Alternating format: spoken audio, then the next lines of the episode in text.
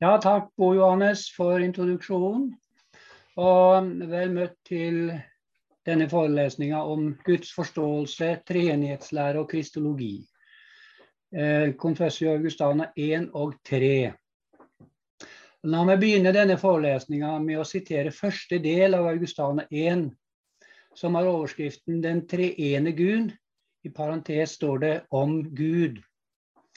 For det første lærer og fastholder en samstemmig, i samsvar med Nikea-konsiliets vedtak, at det er ett guddommelig vesen som kalles og virkelig er Gud, og at det likevel er tre personer i dette ene guddommelige vesen, like mektige, like evige Gud Faderen, Gud Sønnen, Gud den hellige ånd.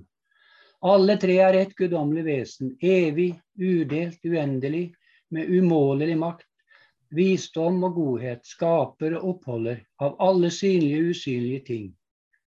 Og ordet person blir ikke forstått som en del av eller en egenskap hos en annen, men det som eksisterer selvstendig, slik som fedrene har brukt dette ordet i denne saken.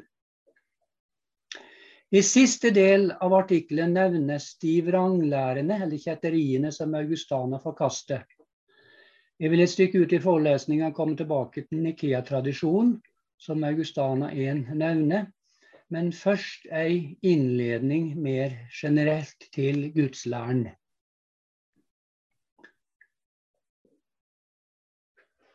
I boka 'On the Absence and Unknowability of God' hevder den ortodokse teologen Kistos Janaras at å forstå det å delta bare en deltaker kan begripe. For Janaras dreier det seg i første rekke om å forstå Gud. Janaras bruker et bilde for å illustrere hva han mener. Han hevder at vi bare kan lære å kjenne den personlige karakteren hos et menneske ved å være i nærheten av det, ved å ta del i det denne personen gir av seg sjøl, i form av ord som sies, tanker som tenkes, ved å ta del i evnen til å skape og til å elske. En kan kalle disse evnene personens energier, sier Janaras, som er personens måte å være på. Disse energiene er felles for alle mennesker, de gjør det mulig å vite hva et menneske er. De gir tilgang til menneskets vesen eller natur. Men på tross av disse felles energiene er det også et faktum at vi mennesker uttrykker oss forskjellig. Vi har forskjellige måter å snakke på. Vi viser hvem vi er på forskjellig vis. Det gjelder derfor å være var overfor hva som er det unike ved hver enkelt av oss. Hva som er det originale. Janaras bruker eksempler fra musikkens verden for å forklare hva han mener. Han sier at det bare er ved å delta i Mozarts skapende musikalitet vi lærer å skjelne hans personlige uttrykksform fra Bachs og Beethovens. Vi gjenkjenner det som er annerledes ved Mozarts karakter som musiker, ved å lytte til hans komposisjoner, som betyr at teoretiske, språklige forklaringer ikke hjelper oss det minste hvis vi virkelig vil forstå, kjenne til det unike ved Mozart, til forskjell fra andre. Vi lærer helt og fullt å kjenne annerledeshet, annerledesheten ved Mozart ved å la fargeklangen i musikken hans synke ned i oss, som betyr å forstå eller å bli kjent med, å delta og forstå i å være involvert. Hva er det da ved Gud som er så annerledes at vi i tillegg til ordene vi bruker, også må bruke, bruke bilder, symboler, musikk og ikoner for å bli kjent med ham, spør Jan, Jannaras. Og han svarer det er det unike fellesskapet mellom personene i Gud. Det som ikke lar seg definere og forklare, er at Gud er ved å være tre. Det er det ubegripelige ved Gud. Sjølve hemmeligheten med han, mysteriet. Kilden i Gud er ikke hans vesen eller hans væren, som noen har tenkt. For kilden er Faderen, personen som de andre personene utgår fra. Ved Sønnen blir Gud menneske, han som gjennom Ånden formidler kilden til oss. Gud går ut fra seg sjøl når det skjer, men han forblir den samme. Han er i bevegelse fra himmelen til jorden, men er likevel uforanderlig. Inkarnert er han nær oss i person og menneske Jesus, som vi kan høre, slik man kan høre musikken fra Mozart. Men Gud er samtidig utilnærmelig, for hans innerste vesen forblir ukjent for oss, uerkjennelig og skjult. Det er energiene vi får del i. De unike egenskapene, sier Janras. Som Sønnen har del i de unike egenskapene hos Faderen. Som Ånden har del i de unike egenskapene hos Faderen og Sønnen. I det alle har del i hverandre. For personene i Gud er slynget inn i hverandre. Flettet sammen i en gjensidig hengivenhet, hvor de gir til hverandre og får av hverandre det som er spesifikt ved hver enkelt person. Det er mulig fordi de er annerledes overfor hverandre. De har forskjellig sound and music, for å bruke Janaras bilde. Og nettopp derfor er de også hverandres enhet og hverandres fellesskap. Der, i relasjonene mellom annerledeshet og enhet, blir livet til. Der er livets kilde de forskjellene enheten begrunnet, for bare ved å være forskjellige kan de delta i hverandres liv. Det er modellen i Gud og modellen for det kristne fellesskapet. Mønsteret for den troende menigheten. Denne deltagelsen blir et viktig poeng for meg i denne forelesninga. For det betyr at når vi tar imot gaven, livet i Gud, er vi i en viss forstand allerede på innsida av giveren. Noe som betyr at Gud, idet vi mottar gaven, gir oss et nytt sted å betrakte ham fra, som vi kan kalle innenfra-stedet, som er stedet der Gud legger premissene for erfaringa og forståelsen av Gud. I den mening er betraktning av Gud mottagende noe som betyr at den er en refleks av livgiveren sjøl.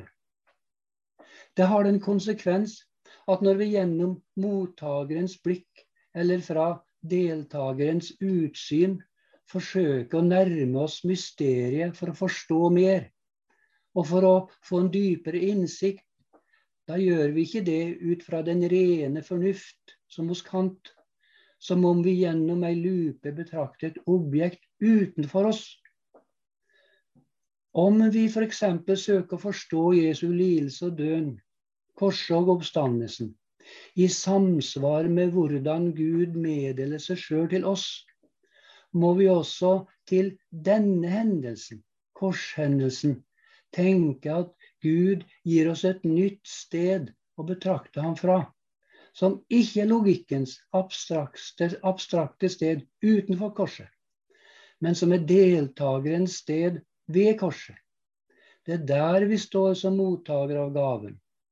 For som mottakere av gaven får vi del i den treenige Guds premisser for betraktning av Gud. Og i de premissene ligger at Gud viser oss både gaven, det Gud gir oss, og det vi som mottakere trenger. Den synlige gaven ved korset er tilgivelsen. Far, tilgi dem som han gir oss ved erkjennelsen av hvem vi sjøl er, nemlig syndere. Det er forbryteren ved Jesus side, det er forbryteren ved siden av Jesus som får budskapet i dag skal du være med meg i paradis. Lukas 23, 43. Som synliggjør gaven, nåden, Far, tilgi dem. Ved korset betrakter vi derfor både den korsfestede Kristus, den rene, hellige nåden som Gud gir oss, og den korsfeste, korsfestede forbryteren, den benådede synderen. Så mye nå om tilnærminga til det tredje mysteriet. I forlengelsen av den skal jeg nå forsøke å gi et lite innblikk i Nikea-tradisjonens forståelse av temaet. Ikke minst fordi eh, Augustane 1 begynner med formuleringa For det første lærer og fastholder en samstemmig, i samsvar med Nikea-konsilets vedtak, at det er ett guddommelig vesen som kalles og virkelig er Gud, og at det likevel er tre personer i dette ene guddommelige vesen. Av samme vesen som Faderen, gresk homoousion to patri. Med denne setninga sammenfatte og stadfeste teologen i Nikea det helt essensielle i den kristne trosbekjennelsen. Sjøl om det ennå ikke var full enighet om innholdet i begrepene, var i alle fall så mye klart. Vranglæreren Arius, 250-336, han hadde plassert seg sjøl utenfor kirken fordi han ikke kunne formulere at både Faderen og Sønnen har guddommelig opprinnelse. Indirekte hadde teologene i Nikea dessuten avgrenset seg overfor den helenistiske, greske eller filosofiske frelsesveien, som gikk ut på at Kristus bare var et mellomvesen, et bindeledd mellom det evige og tiden, mellom Gud og verden, noe som gjorde det mulig for mennesket å høve seg opp til en tidløs og livsfjern guddom. Teologien i Nikea snudde opp ned på det skjemaet ved å bekjenne at Gud ved Sønnen gjorde seg sjøl nærværende i menneskenes liv og historie. Johannes 1, 14. Det var denne teologien Atanasius, Arius' motpol under Nikea-møtet, bekjente seg til da han sa at Gud ble menneske for at mennesket skulle bli guddommelig. Logos kom ifølge Atanasius til verden for å gjenskape den falne skapningen, som betyr at han kom for å frelse den. Disse grunnleggende bibelske frelsesannhetene ville teologene i Nikea skjerme, og de gjorde det nødvendig for dem, med de begrepene de hadde til rådighet, å formulere at Sønnen var Gud og av samme vesen som Faderen. Den gamle dåpsformuleringen i Faderens, Sønnens og Den hellige ånds navn gikk imidlertid i retning av at det som var sagt om Faderen og Sønnen, også måtte sies om Ånden. Ei rett formulering av relasjonen mellom Faderen og Sønnen måtte nødvendigvis også tilpasses den tredje personen i Gud.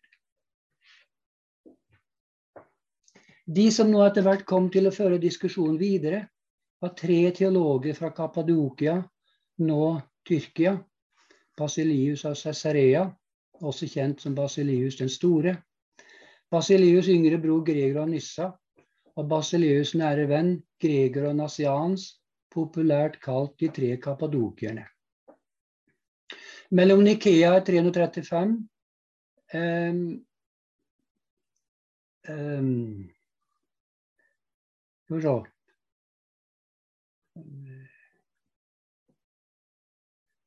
Um, ja. Eh, mellom Nikea i 325 og Konstantinopel i 381 var det kappadokierne som leverte de avgjørende bidragene til, til treenighetslæren. Ifølge Kristoffer A. Bili, en av de fremste kjennerne av den patristiske perioden, er Gregor av Nassians, teologen i denne perioden, som klarest av alle har forklart betydninga av den tredje teologien, og som derfor også tydeligst, tydeligst har avgrensa den, altså denne teologien, overfor den mer spekulative, abstrakte tenkningen. Hovedårsaken til Gregors posisjon er at han så konsekvent gjorde frelseshandlingene den guddommelige økonomien til teologiens sentrum. Og at han så klart begrunnet enheten mellom Guds natur, det indre livet i Gud, og Guds tilsynekomst i kirkens liv og historie. Det vi gjerne kaller relasjonen mellom den immanente og den økonomiske treenighet. Sentralt i Georgors begrunnelse av enheten er teologien om at Faderen er eneste kilde til treenigheten, som de også benevnes som fars monarkia. For når Faderen er kilde til treenigheten, er det Faderens særegenhet ifølge Gregor å være kilde både til seg sjøl, i den mening at Gud eksisterer ved seg sjøl, og til Sønnen og Ånden, slik Sønnen og Ånden kommer til syne gjennom sine handlinger.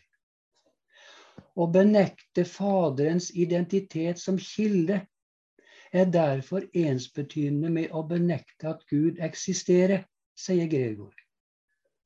Å fastholde Faderens identitet, identitet som kilde er det som må til for å kunne skjelne den sanne troen fra vranglæren, f.eks. fra arianismen. Hvis Faderen er kilde, kan en nemlig ikke argumentere for at Sønnen er skapt, som arianerne hevdet. Like lite som en kan argumentere for at de tre personene Gud er tre forskjellige manifestasjoner, eller tilsynekomster, av den ene og samme person, som modalistene eller sabellianerne lærte. I forlengelsen av dette framholder Bili at den står ved kjernen i teologien om Faderen som kilde.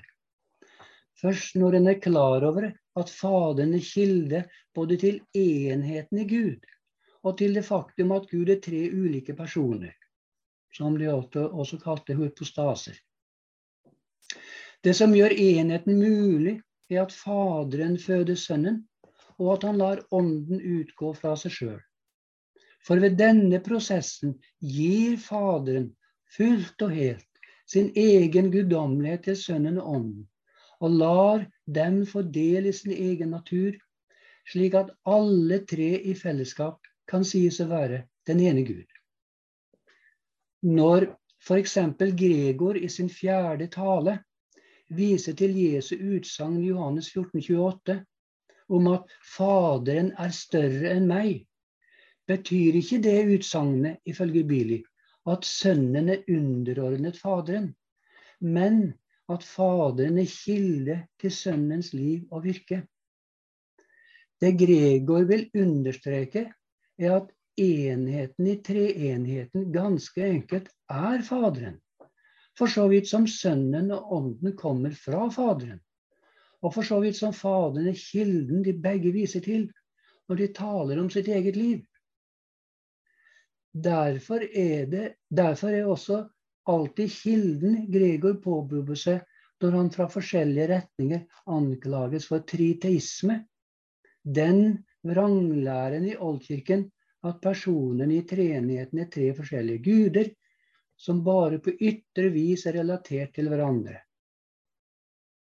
Enheten ligger altså ifølge Gregor ikke i at personene har del i en felles guddommelig natur, som om de var én ved å høre til i samme klasse.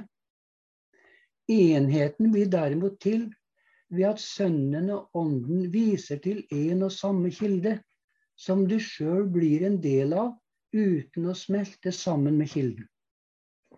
Bare slik blir det forståelig at enheten blir til ved Sønnens særegenhet som sønn og Åndens særegenhet som ånd.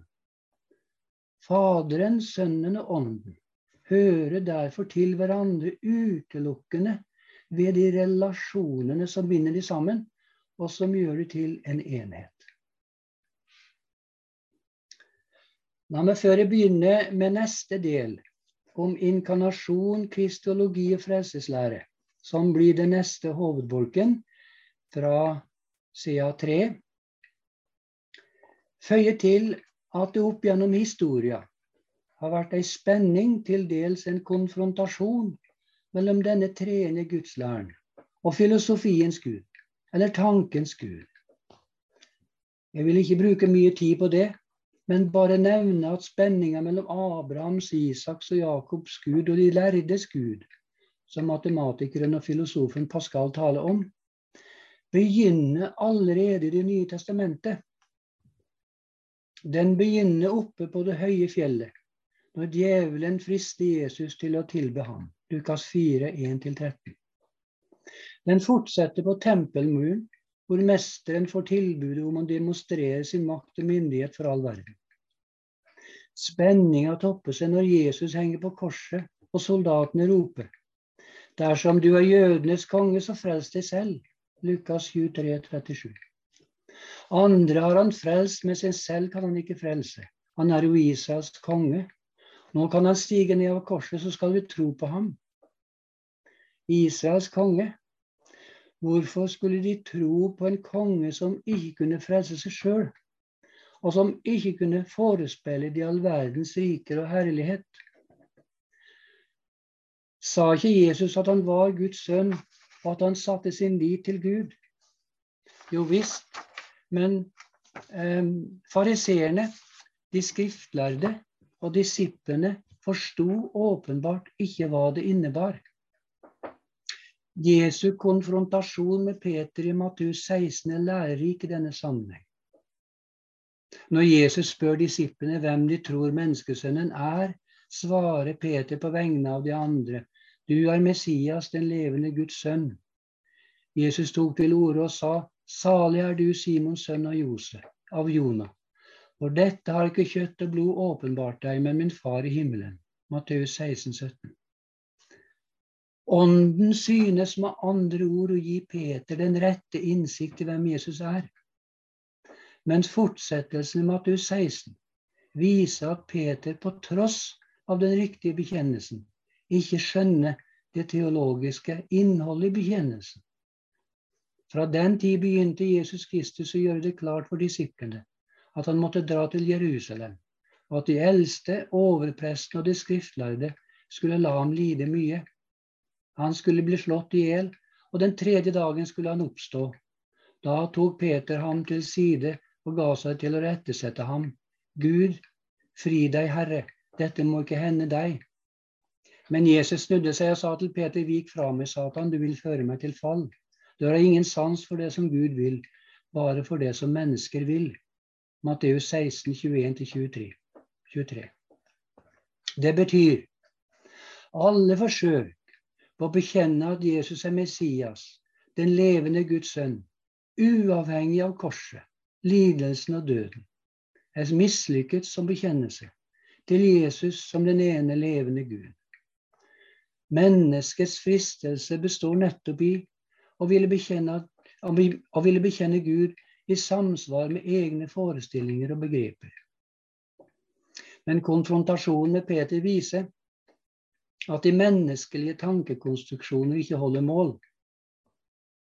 De representerer en annen gudsforståelse enn den Jesus gjør seg til talsmann for. Når han sier til Peter, vik bak meg, Satan, du vil føre meg til, du vil føre meg til fall. Du har ingen sans for det som Gud vil, bare for det som mennesker vil. Det betyr å bekjenne Jesus som den ene levende Gud, den treenige Gud, er ikke mulig på menneskets egne premisser, på filosofiens premisser, eller ut fra tankemessige, logiske slutninger. Bare Gud sjøl kan ved sin ånd gi mennesket den rette innsikt i hvem han er.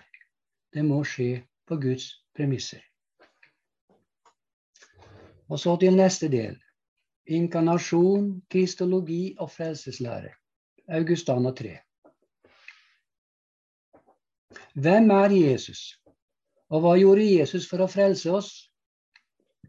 Det blir nå tema i neste bolk om inkarnasjon, kristologi og frelseslære.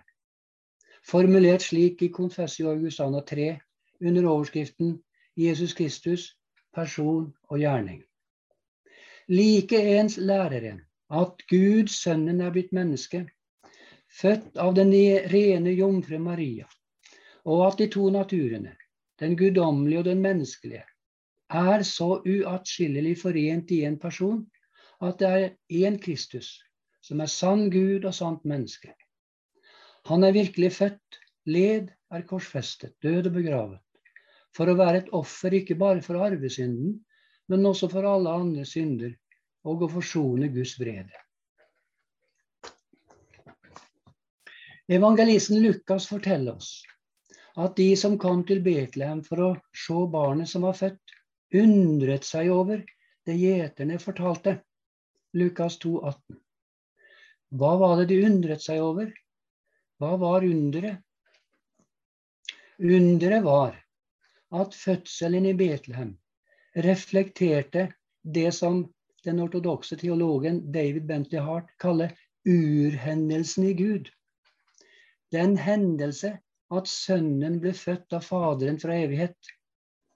Det er ifølge Hart den første hendelse i Gud, og den første hendelse i universet. Urhendelsen eller begynnelsen. Faderen utleverte seg sjøl da han fødte sønnen, slik han utleverte seg sjøl da sønnen døde på korset. Det som skjedde ved Jesu fødsel, da sønnen kom til verden som et menneske, var at han legemliggjorde denne evige hendelsen. Noe som betyr at sønnen som var fra evighet, nå fikk en kropp. Det lille barnet var virkeliggjørelsen av det som før var skjult i det evige. Det ingen kunne forestille seg da sønnen ble født av Faderen, kunne nå gjeterne fra Betlehemsmarka og vismennene som kom for å hylle barnet. Se med sine egne øyne. Gjeterne dro tilbake. De lovet og priste Gud for alt de hadde hørt og sett.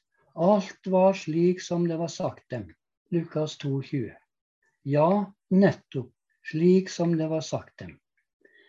Det de hadde sett og hørt, var oppfyllelsen, virkeliggjøringen og legemliggjøringen av det som var forutsagt i den gamle pakt. Ikke rart at de undret seg, og at Maria tok vare på alt som ble sagt, og grunnet på det i sitt hjerte. Lukas 2, 19.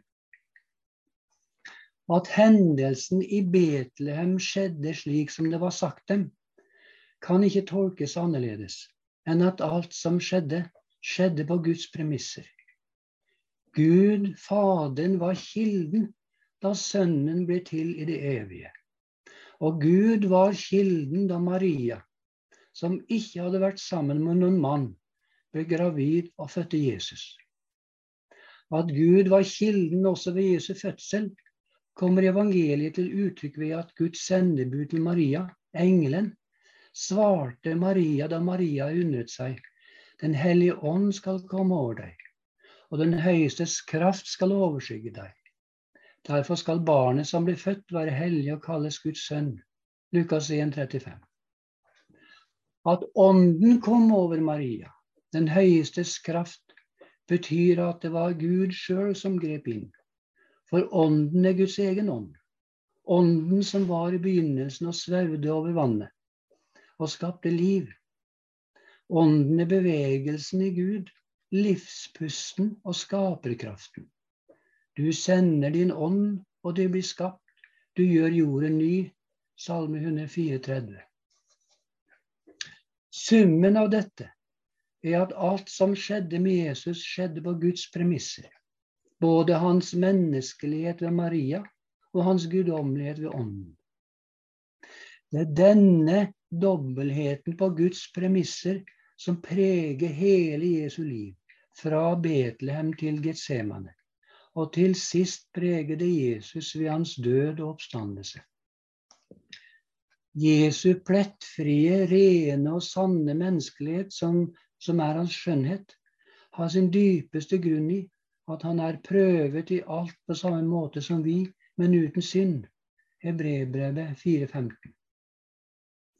Hvordan kan Jesus da være et sant menneske når han ikke kan beskrives med den svakheten som preger oss alle. Det tradisjonen kaller arvesynden. Kan Jesus da være et sant menneske som oss? Det overraskende svaret er at det er syndfriheten og nettopp den som gjør Jesus til det sanne mennesket. Det henger sammen med det faktum at Jesus fullbyrder den sanne skapelse, slik skapelsen gikk fram fra Guds hånd fra Guds hånd i opprinnelsen, før synden kom inn i verden. Slik må vi, på sett og vis, plassere Jesus i paradiset før Adams og Evas ulydighet mot Gud. Adams og Evas ulydighet mot Gud, som vi kan kalle usynden i paradiset, var at de sjøl ville være guddommelige. De ville tilrane seg gudslikhet, og dermed var deres tilbøyeligheter ikke i samsvar med Guds intensjon og vilje. Adam og Eva ville være sine egne livskilder, som er det opprinnelige opprøret, det opprinnelige avviket, som til sjuende og sist er ensbetydende med å ville rive seg løs fra skaperens plan for sin skapning. Med Jesus var alt dette annerledes. Når Paulus i det femte kapitlet i Romerbrevet sammenligner Jesus med Adam i paradiset, er det for å forklare hvor forskjellig Jesus er fra Adam i paradiset. Slik det ene menneskets ulydighet gjorde de mange til syndere, skal nå den enes lydighet gjøre de mange rettferdige. Romere, Romerbrevet 5.19. Det som karakteriserer Jesus, sammenlignet med Adam i paradiset, er altså, ifølge Paulus, lydigheten. Det som gjør Jesus til det sanne mennesket, er at han skjelner mellom seg sjøl og sin himmelske far, skaperen. Og i denne skjelningen ligger også hans lydighet overfor skaperen. For ved å skjelne mellom seg sjøl og skaperen gjør Jesus, i motsetning til Adam i paradiset, skaperen til livets kilde, også kilden til sitt eget liv. Det er nå grunnen til at Jesus kaller Gud sin egen far, Johannes 5, 18. I sin ydmyke lydighet overfor Faderen sier Jesus at han ikke kan gjøre noe av seg selv, men bare det han ser Faderen gjør. Johannes 5, 19. Gjennom hele livsløpet, fra krybben til korset, var det denne lydigheten, den barnlige tilliten til Faderen, som gjorde Jesus til frelser, til en tjener for oss og til Herre. For bare tjeneren kan være Herre. Ingen scene i Det nye testamentet uttrykker sterkere den indre fortroligheten mellom Jesus og Faderen enn fortellinga om Jesus i Getsemane hage. Markus 14, 26-42. Fortroligheten utdypes ved at Jesus bruker tilropet 'Abba' om sin, om sin himmelske far. Når han sier til sin far, 'Abba, far, alt er mulig for deg. Ta dette begeret fra meg, men ikke som jeg vil, bare som du vil. Kirkefedrene Krysostomos og Theodor fra Mopsuestia, som kom fra Antiokia, der befolkninga eh, brukte den vestsyriske dialekten arameisk, bevitter begge at Abba var barnets daglige tiltale til far. Abba betyr egentlig 'kjære far'. Men de sa også 'imma', som betyr 'kjære mor'. Abba og Imma, det var de første lydene som barnet begynte å plapre, sier teologen Joakim Jeremias. Som understreker at barna, da de ble større, fortsatte å bruke tittelen.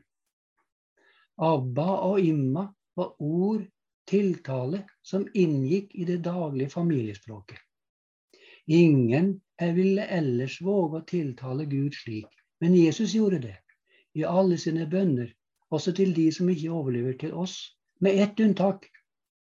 I bønnen på korset, hvor Jesus siterer Salme 22, 22,2, ber Jesus Min Gud, min Gud, hvorfor har du forlatt meg? Markus 15, 34. Slik blir Abba, Jesu tiltale til Faderen, et uttrykk for det nye som skjedde da Jesus kom. Min Gud, fra Det gamle testamentet og Abba, far, i det nye. Samtidig illustrerer dette helt særegne, det helt særegne i det oppdraget Jesus fikk av Faderen, for så vidt som Faderen ga Jesus fullmakt til å forkynne Guds rike for all verden. Slik har nå Jesus gitt oss fullmakt til å be den samme bønnen, eller til å si etter Jesus, vår Far i himmelen, eller Fader vår, du som er i himmelen. Jesus gir oss med andre ord rett til å bli og til å være Guds barn, som Jesus er sønn av Faderen. Som Jesus er sønn av Faderen, er vi, når vi ber til Faderen, sønner og døtre av den samme Gud. Med barneforholdet til Faderen er døren åpen for Guds rike, som Jesus kommer. Forsoning og tilgivelse. Jesus som offeret. Augustana 3. Hva er da Guds rike? Det som framfor alt karakteriserer Guds rike, som vi også kan kalle et nådens rike, er at Jesus river ned det som stenger for fellesskapet mellom han sjøl og de han tilgir. Og med det fellesskapet er livssamfunnet med Gud etablert. Det peker framover mot tekstene i Det nye testamentet om forsoningen. For forsoning dreier seg nettopp om at syndene blir tilgitt, og at et nytt fellesskap blir til. Ja, dette er kjærligheten. Ikke at vi har elsket Gud, men at Han har elsket oss og sendt sin sønn til soning for våre synder. 1. Johannes 4,10. Det er to grunner til at denne teksten er sentral i denne sammenheng.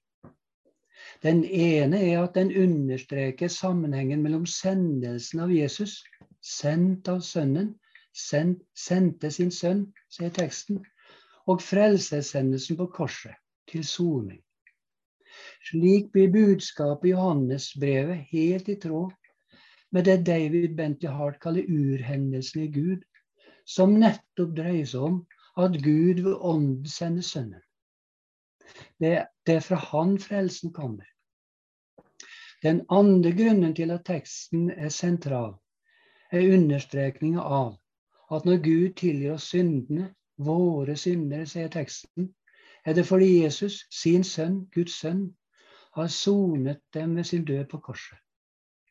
Soning betyr tilgivelse. Grunnen til at Gud forordner dette, og sjøl er til stede ved korshendelsen, er at han elsker oss. Dette er kjærligheten, sto det i teksten, og vil ha samfunn med oss. For det er livssamfunnet med skapningen som driver Gud. I det ligger også tanken om at Gud gjenoppretter et forhold som er gått i stykker. Den kultisk-rituelle bakgrunnen beskrives i flere sammenhenger i Det gamle testamentet, og da særlig i tilknytning til brutte paktsforhold som kunne gjenopprettes ved offer til Gud. F.eks. ved et sonoffer, som sonet synden som var begått. Hvis en skulle få tilgivelse og komme inn i et rett forhold til Gud, måtte synden sones, om det var ved et sonoffer eller ved andre ofre. Formålet var overenskomsten, pakten med Gud eller livsforbindelsen. Det er bakgrunnen for tekstene i Det nye testamentet som beskriver Jesus som offeret. I brevet til, til hebreerne framstilles saken slik. Hvor mye mer skal ikke da Kristi blod rense samvittigheten vår fra døde gjerninger, så vi kan tjene den levende Gud? For Kristus har i kraft av en evig ånd båret seg selv fram som et feilfritt offer for Gud. Hebreerbrevet 9,14. Når Paulus beskriver samme sak, bruker han påskelammet som metafor, og understreker dermed den teologiske kontinuiteten mellom den gammeltestamentlige påskefeiringen og Jesu påskedrama fram til døden på korset. I 1. Korinterbrev 5,7 Rens ut den gamle surdeigen, så dere kan være en ny deig. Dere er jo som usyret brød, for vårt påskelam er slaktet Kristus. I den sammenheng kan teksten også alludere til påskemåltidet Jesus hadde med disiplene kvelden før han ble korsfestet. Under denne feiringa ga Jesus både brød og vin, som hørte måltidet til, et radikalt nytt, nytt innhold da han sa dette er min kropp, dette er mitt blod. Ingenting understreker livssamfunnet med Gud sterkere enn eukaristiens eller nattverdens brød og vin, som på mysteriøs vis forener oss med Kristus, påskelammet som ble slaktet. Motivet kan ikke forstås rett uavhengig av den rituelle praksis i Det gamle testamentet. F.eks. Første Mosebok 9, Tredje Mosebok 5 og 7 Tredje Mosebok 16 og 17. Også der er det Gud som forordner forsoninga, med bestemte kultiske handlinger og riter. I forbindelse med den store soningsdagen i 3. Mosebok 16 slås det fast at Aron gjorde som Herren hadde befalt Moses. I Det nye testamentet forstås døden som offerdød, i tråd med at Gud gir Sønnen i oppdrag å sone for menneskets synder. Ham har Gud stilt synlig fram for at han ved sitt blod skulle være et sonoffer for dem som tror. Slik ville Gud vise sin rettferdighet. Romerne 3, Romerne 3 25. Jesu offerdød eh, er stedfortredende i den betydning at Jesus som den syndfrie dør i stedet for synderne. Derfor, Jesus, derfor betegnes Jesus i Det nye testamentet som et feilfritt offer for Gud. Hebreerbrevet 9, 14. Det er viktig å merke seg her at Gud i samsvar med offermotivet ovenfor er både, er forsoningens subjekt og objekt. 2. Korinterbrev 5, 18 følgende. Grunnen til at offeret forordnes, er at Gud dømmer synden, samtidig som han i sin kjærlighet også bærer offeret fram. Romene 5,8. Det må likevel ikke forstås i overensstemmelse med religionshistoriske paralleller, paralleller som en omstemming av Gud. For soninga endrer ikke Guds vesen. Gud blir ikke ved sin død mer vennligsinnet overfor mennesket. Det som endrer seg, er derimot relasjonen mellom Gud og mennesket. Når Jesus dør, får mennesket en ny plass vis-à-vis Gud. Gud skapte ved korset et rom der mennesket blir tilgitt og fri til å leve som rettferdig overfor Gud. Fordi Gud ved å tilgi gir mennesket sin egen rettferdighet i gave. Det er dypest sett den teologiske betydninga av rettferdiggjørelsen av mennesket. At rommet blir skapt i og med den faktiske, objektive, historiske hendelsen på korset, er grunnen til at forsoninga, forstått som, forstått som synstilgivelse, i den teologiske tradisjonen er blitt kalt det objektive forsoningsmotivet. Motivet er sentralt hos Luther, nedfelt i Augustana artiklene 3 og 4 men motivet er sentralt også i middelalderen, hvor det i særlig grad er forbundet med bot og skyldkjensle.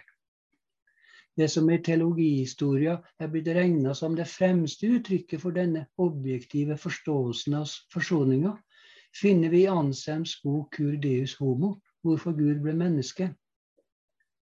Svakheten i Anselms bok er imidlertid at den i liten grad tar hensyn til den kultiske offerteologien i Det gamle og nye testamentet, og at den i stor grad argumenterer ut fra rent logiske juridiske premisser, henta fra høymiddelalderens føydale strukturer. Likevel må det sies at Anselms forsoningsteologi ivaretar helt sentrale bibelske anliggender. Og så til slutt Gud og lidelsen på korset. Hvis det er Sønnen som henger på korset, forsoneren som er både, er både Gud og menneske, kan vi umulig unngå spørsmålet om Gud, den allmektige, lider på korset når Jesus dør. Kan Gud virkelig lide? Er ikke det å reise spørsmålet i seg sjøl et forsøk på å menneskeliggjøre Gud. La oss starte i Det gamle testamentet med profeten Hosea, som lar Gud si at hjertet vender seg i meg, all min medlidenhet våkner. Hosea 11,8. Det er som om profeten her beveger seg på innsida av Gud. Han forsøker på et vis å gi tilhørende et glimt inn i Guds hjerte. Han vil fortelle dem hvem Gud egentlig er. Gud er ikke hard og ubarmhjertig, men mjuk, full, full av omsorg og barmhjertighet. Om nødvendig vende Gud om fra harme til medlidenhet. For Isas Gud er dynamisk og bevegelig, ikke statisk og urørlig. Og det er Gud, sier profeten, fordi han er Gud og ikke et menneske, heller midt iblant dere. Hosea 11,9. Med andre ord, det er sett innenfra, eller i lys av innenfra-perspektivet Gud er slik at han viser sitt folk medlidenhet. Gud viser medlidenhet fordi han er den han er, den allmektige Gud. Om vi nå går til Oldkirken, var Kyrill en av kirkefedrene som forsøkte å unngå formuleringer som kunne tolkes slik at Gud led på korset. På den andre side var Kyrill forpliktet på de bibelske beretningene som framstilte sønnen slik at han i sin fulle guddommelighet led og døde. For å komme til rette med dilemmaet måtte Kyrill ty til et paradoksalt språk for å uttrykke at sønnen både led og ikke led. Mysteriet var ifølge Kyrill at sønnen led uten at guddommen ble anfektet, og uten at guddommen mistet sin guddommelighet. De som tenkte annerledes, de teologiske meningsmotstanderne, feilet fordi de ikke lot tekstene tale, mente Kyrill. I overensstemmelse med sin teologi om Kristus framholdt han at det var legitimt å si at Jesus hadde to naturer, under forutsetning av at de to naturene var forent i én person eller i en hypostase. Under denne forutsetninga ble det nå mulig å tenke at egenskapene i den ene naturen kunne tilordnes egenskap i den andre naturen, i en gjensidig utveksling den tekniske latinske termen var communio communicatio idiomatum. Med denne læren kunne Kyrill si at både den menneskelige og den guddommelige naturen gjorde under, under, og at sønnen led virkelig som menneske da Jesus døde på korset. At sønnen led etter sin menneskelige natur og ikke etter sin guddommelige natur, er et hovedpoeng i Thomas G. Vainandis tolkning av Kyrill. Vainandi, som er en katolsk teolog, ser det slik at hvis sønnen erfarer lidelse i sin guddommelige natur, vil han ikke lenger erfare menneskelig lidelse på en autentisk og genuin måte. Da ville han i stedet erfare menneskelig lidelse på en guddommelig måte. Og det ville ikke være en sann og ekte menneskelig erfaring. Derfor må vi ifølge Vainandi si at Gud berøres av den menneskelige lidelsen på en guddommelig måte. Og det er denne guddommelige måten vi ikke forstår. Det er den vi ikke kan sette ord på.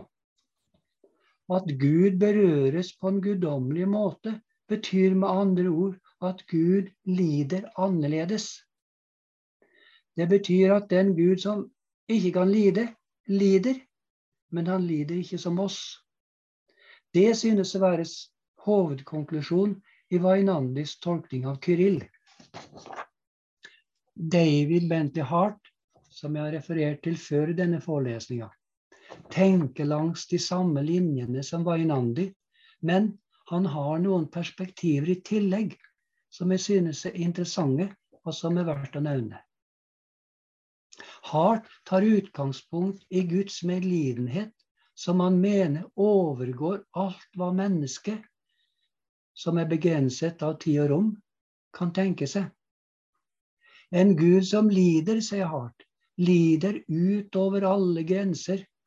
Og utover alle grenser er denne lidelsen uendelig, noe som bare Gud kan være at lidelsene utover alle grenser betyr ikke at den er fravær, eller at den beveger seg bort fra noe, bort fra oss. Det er tvert imot slik at denne lidelsen vender seg inn mot noe, inn mot det menneskelige, og slik blir denne grensesprengende lidelsen uendelig nærhet og tilstedeværelse, sier Hart. Når Gud lider, er han uendelig nær oss fordi han er Gud og ikke et menneske, for å bruke profeten Hoseas formulering. Hosea 11,9. Med denne tolkninga blir det nå forståelig at Gud som den medlidende er nærmere oss enn vi er oss sjøl. Vi er underlagt det skaptes begrensninger. Gud er evig uendelig, og slik er også hans medlidenhet. Gud er derfor ikke, som mange filosofer har hevdet, uten empati og medkjensle. Han stiller seg ikke på utsida når Jesus lider på korset, og han stiller seg ikke på utsida av våre lidelser. Ifølge Hart er det bare slik en kan forstå at når Jesus lider på korset, lider Jesus ikke i ensomhet, for Gud er uendelig nær Jesus, uendelig til stede. Og det med en medlidelse som sprenger alle grenser, og som derfor ingen er i stand til å forstå. Her kobler nå eh, Hart denne korsteologien til urhendelsen i Gud.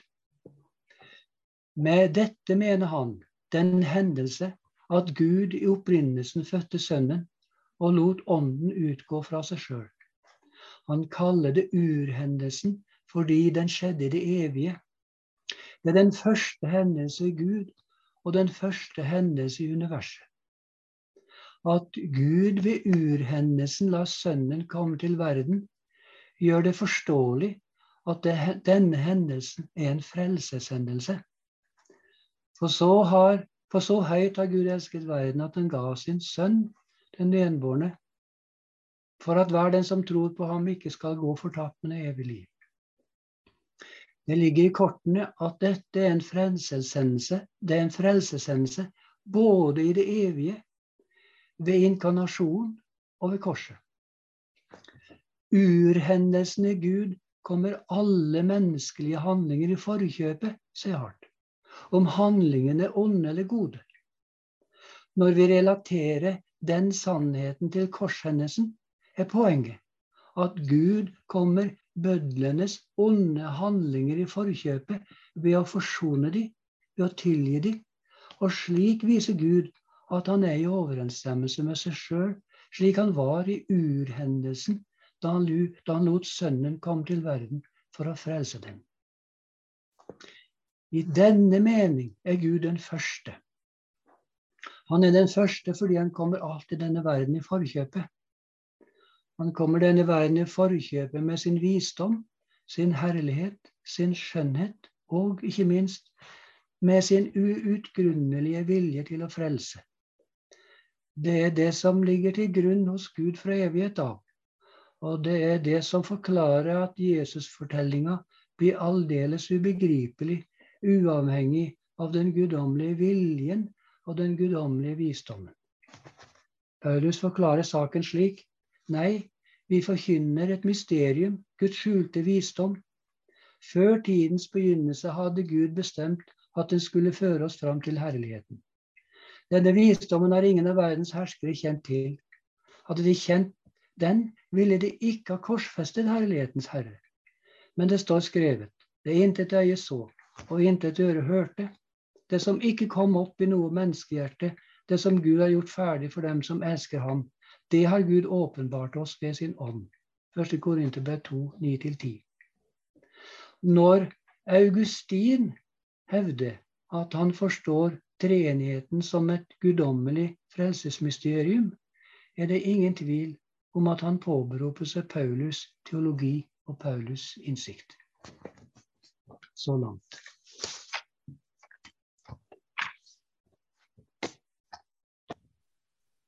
Hjertelig takk, eh, Stein, for både en grundig og ikke minst en oppbyggelig time. Eh, mm. Veldig fint. Nå er det mm, Øyvind eh, Rettvik som, som, har forberedt en respons til foredraget eller forelesningen til Svein Riise. Øyvind, du er ansatt i teolog og ansatt i NMS, stemmer ikke det? Det stemmer, ja. ja. Mm. Riktig. Har vært ansatt på Peterstiftelsen tidligere. Ja. Mm. ja. Og jeg har hatt uh, Svein Riise som uh, lærer på, når jeg gikk på NLA i 95-96. Så uh, da husker jeg at vi hadde vel systematikktime på begynnelsen av dagen, så Svein begynte med bønn og bibelord alltid. Så det passet jo veldig godt til innledningen her, at det er innenfra-perspektivet for å forstå mysteriet kom jo også fram allerede ja, den gangen også. Så det er noe som, som skinner gjennom i, i din eh, foredrag nå også, Svein, at dette er ikke bare fornuften. Mm. Det er også eh, livet og uh, troen som, som er nærmere, nærmere mm. dette store mysteriet. Så takk for uh, foredraget. Det er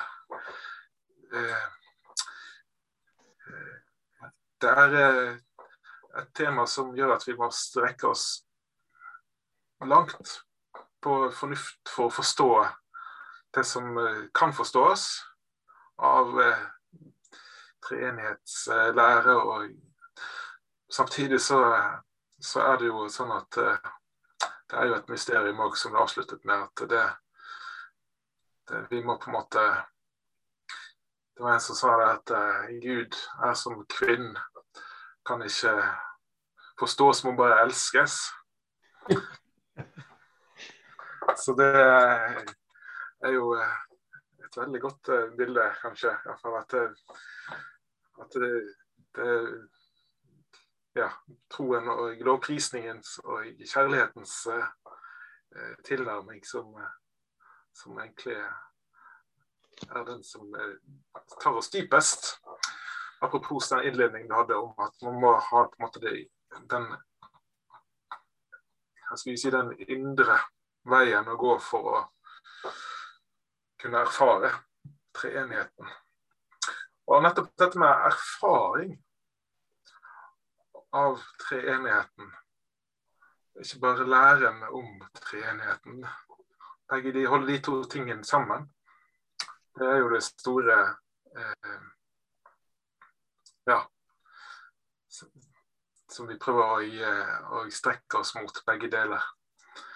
Um, jeg har jo jobbet i retrettbevegelsen, og der er det mye snakk om Kristusmystikk.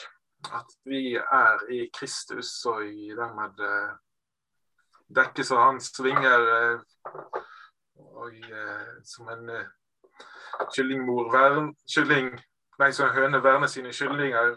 Slik verner Kristus oss fra Guds vrede og gir oss rettferdigheten. At, men også at Kristus er i oss, at, eh,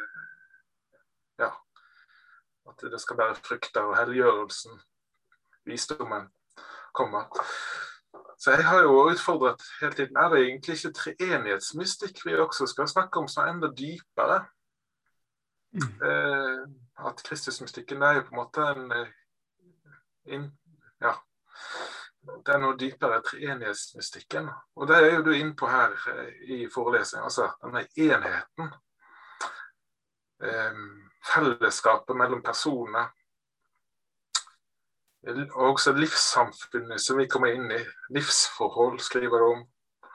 Som blir, ja, blir de det skjer en gjenopprettelse ved soneofferet, forsoningen, mellom denne relasjonen mellom Gud og menneske. Eh, og at vi får Gud som far. Så det er noe ja, den, den relasjonen, ja, som eh, Alt dette egentlig er jo en slags det, ja, vil jeg argumentere for er en uh, treenighetsmystikk som er en, en, uh, en, um, en dyp forståelse av denne relasjonen vi kommer inn i. Jeg vet at uh, Biskop Thomas snakker om at kjærlighetens sirkel hvordan få flere inn i kjærlighetens sirkel. altså Sånn misjonalt perspektiv. At vi blir invitert inn i den sirkelen i treenigheten som, som, går sammen. Jeg har hørt eh, hvis jeg husker rett at, det, at, det, at det, eh, dette forholdet blir kalt for perisjoreis. Altså denne dansen som eh, eh, som eh, som, som man står sammen med på en måte å bli invitert inn i. Så Det, det gjør, gjør, jo dette her til et, eh, noe som ikke bare blir en teori, men det blir liv. Og det går opp for meg mer og mer hvor mye liv det er i å være døpt inn i treenigheten. Mm. Um, Dåpen er jo ikke et tema her, men uh, du snakker om at uh, nattverden er uh, viktig med tanke på Ingenting understreker livssamfunnet med Kristus sterkere enn eukaristien, som forener oss med Kristus. Men klart dåpen gjør jo selvfølgelig også det. Mm. Så, sånn at den òg får oss inn i dette kjærlighetens sirkel, hvis det skal bli i dette bildet. Livssamfunnet, som du, som du kaller det. Jeg husker jeg var prest ute på Nordsjøen på, mens jeg var student en jul. Og da var det en som sa til meg Hva betyr julen for deg? Og jeg begynte å legge ut om teologi om inkarnasjon. Men så sier han Hva betyr julen for deg? så eh, egentlig kan vi også si, spørre hva betyr treenighetslæren for deg. Mm. Og der ligger det egentlig utrolig mye som vi kan, som vi kan øse av i praktisk teologi og i, eh, oppbyggelse. Mm. Det er en kilde til fornyelse av treenighetsteologien. Eh, eh, ja, kirkevekst, misjon, inkluderer flere inn i dette fellesskapet. Et bilde som retreatbevegelsen også ofte bruker, er dette her ikonet av treenigheten, som er åpen. At der er det plass til deg også. Så da får du den, den delen der. Og også dette som du er inne på, dette med far og sønn. Der så får du inn den nære relasjonen som vi blir invitert inn i. Også i, jeg jobber en del med smågrupper, cellegruppebaserte menigheter. og Der òg eh, bruker man denne teologien her om at man eh, i fellesskapet i grupper altså der er eh, Idealet er treenigheten. Fellesskapet i treenigheten. Så det går an å bruke ta den teologien utover i forskjellige ja, Eh, at det ikke bare blir eh, noe som eh, vi strever for å forstå, men faktisk noe som vi kan leve, leve i og leve med og, gi, og ta inn i menighet og misjonstankegangen også. Så Takk igjen ja, for, for foredraget, Svein, som gjør at jeg må strekke tanken til det ytterste til å prøve å forstå, samtidig som eh, det vekker eh, eh, lysten til å, til å bli stadig mer kjent med og forstå hva vi faktisk har fått del i i treenigheten. Så nei, altså, kanskje jeg skal utfordre deg. Hva, hva, hva betyr treenighetslæren for deg? Det som personlig, de som har jobbet så mye med dette her.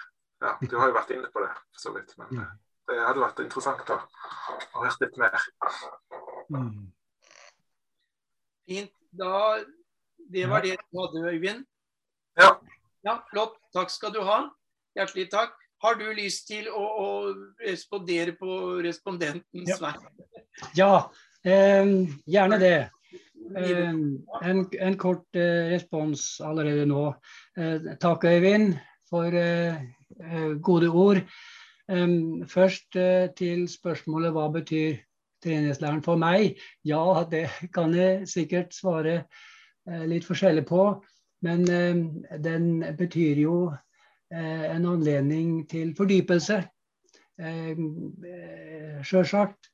Jeg har ikke brukt så mange år eh, som Augustin brukte. Det sies at Augustin brukte 20 år eh, på å skrive det Trinitate, altså om treenigheten.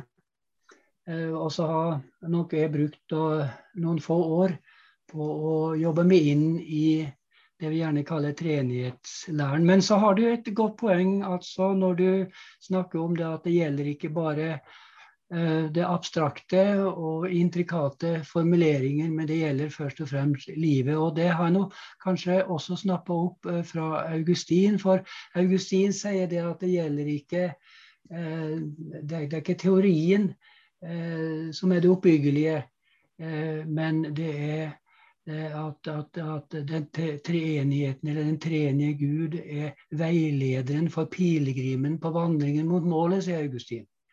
En veileder for pilegrimen på vandring. Um, og det har jeg lagt meg på sinne. Og så nevner du noe interessant, Øyvind, at um, en snakker gjerne om Kristus-mystikk, men hvorfor ikke også treenighetsmystikk? Og det er jeg enig i. Um, det her med Eh, Kristusmystikken det er jo selvfølgelig et begrep fra tradisjon. Eh, som vi snapper opp og snakker om, ikke sant. Men, men, men vi kan jo umulig tenke Kristus uavhengig av Faderen og Ånden.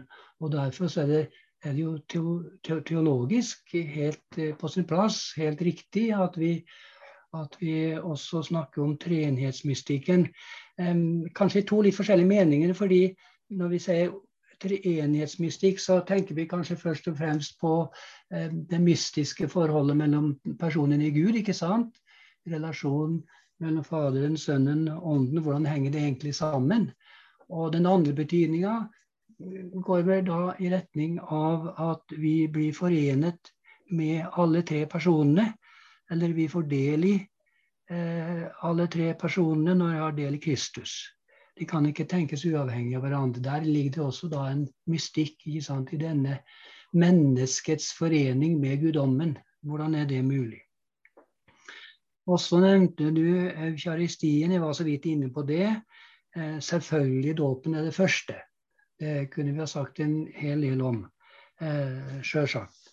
Eh, for det ligger, ligger også en mystikk i det at barnet blir Guds barn, som ikke kan tenke og ikke kan handle. Men det illustrerer at alt beror på Guds premisser. Det Gud gir barnet, ikke sant, som, som tar imot. Så takk for responsen. Eh, fint å høre. Jeg kan bare si litt til at, uh, nevne at uh, Svein har jo skrevet denne boken her, 'Treenig teologi som uh, de som ønsker å fordype seg enda mer, kan uh, sikkert kjøpe på nettet. Hvis ikke så har sikkert Svein noen ekstra eksemplarer. Ja, ja. Noen, noen, noen få eksemplarer liggende. Ja. ja. Men uh, hvis vi går til dette med treenighetsmystikk, som at vi får del i treenigheten og kommer inn i livsforholdet med treenigheten. Kristusmystikk så snakker vi om at vi får del i salig bytte med Kristus, får del i hans egenskaper. Mm. Kan vi snakke om at når vi er, er døpt i treenigheten, inn i det fellesskapet, at vi også kan få del i Faderens egenskaper som skaper. Skapende mm. i Guds bilde. Mm. Um, ånden livgiver. det. Altså, at det ikke, mm. selvfølgelig ikke at det blir fullkomment, men at vi, det skjer mm. noe At fornyelsen, helliggjørelsen, også har de dimensjonene. Mm. Mm. Ja. ja det, det, det, er en viktig påminnelse, eh, eh, tror jeg. Fordi at, fordi at det, det, har litt eh, å, og det, har en betydning for hvordan vi tenker teologi. Eh, helt, helt grunnleggende, helt fundamentalt. Fordi at hvis vi bruke det uttrykket å være forenet med den treenige Gud, treenighetsmystikken, ja, så kan vi umulig tenke at, at, at skapelsen er viktig, ikke sant? at vi skal ta vare på den. Og det er det jo mye snakk om nå i, i vår tid, om å ta vare på miljøet osv. Så, så, videre. så eh, det, det, er viktig. Og selvfølgelig er det også viktig å, å, å, å, huske at vi også har del i ånden. Altså den mer karismatiske del av vårt kristenliv. Eh, det at han det, det, at han skysser oss av gårde, så å si. ikke sant? For ånden er bevegeren. Den beveger oss. Og hvis vi skal, Om det kan vi kanskje bruke da, det mer folkelige uttrykket at han puffer oss av gårde til å handle. Det er også åndens eh, gjerning. Eh, og det ligger i begrepet ånden eh, bevegeren. ikke sant? Så ved, ved, ved å eh, ved å legge oss på sinne at vi får del i alle tre personene, så, så blir det en mer perspektivrik teologi. Og kanskje også et mer perspektivrikt liv vi lever. ikke sant? Uh, og, og, det har vi jo også sagt en del om at når vi ber, så ber vi gjerne til Jesus. Kjære Jesus, sier vi. Og, uh, og det er jo fint.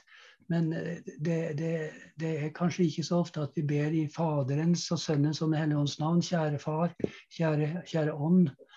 Eh, det, det, er litt sånn fremmed for oss at vi gjør det. Men, men det, er noe som også bør inngå i bønnelivet vårt. At vi ber til alle tre. Fint at vi ber til Jesus, og Jesus har vist oss Faderen, det, det er sant. Men, men, samtidig er Faderen også en person som vi forholder oss til, og som vi får del i. Det er et viktig poeng, ja. Jeg, jeg kan jo eh, nevne også boka 'Festskriftet' som kom eh, i forbindelse med Det var altså 2015, stemmer ikke det, Svein? Ja, det er riktig, ja. ja. ja. Trinitarisk tro og tenkning. Ja. Skriftet Svein Riise, eh, Gunnar Innerdal og Knut Willy Sæther som redaktør. Ja. Så, så det som er nevnt der, er også mye om det samme tematikk som i dag.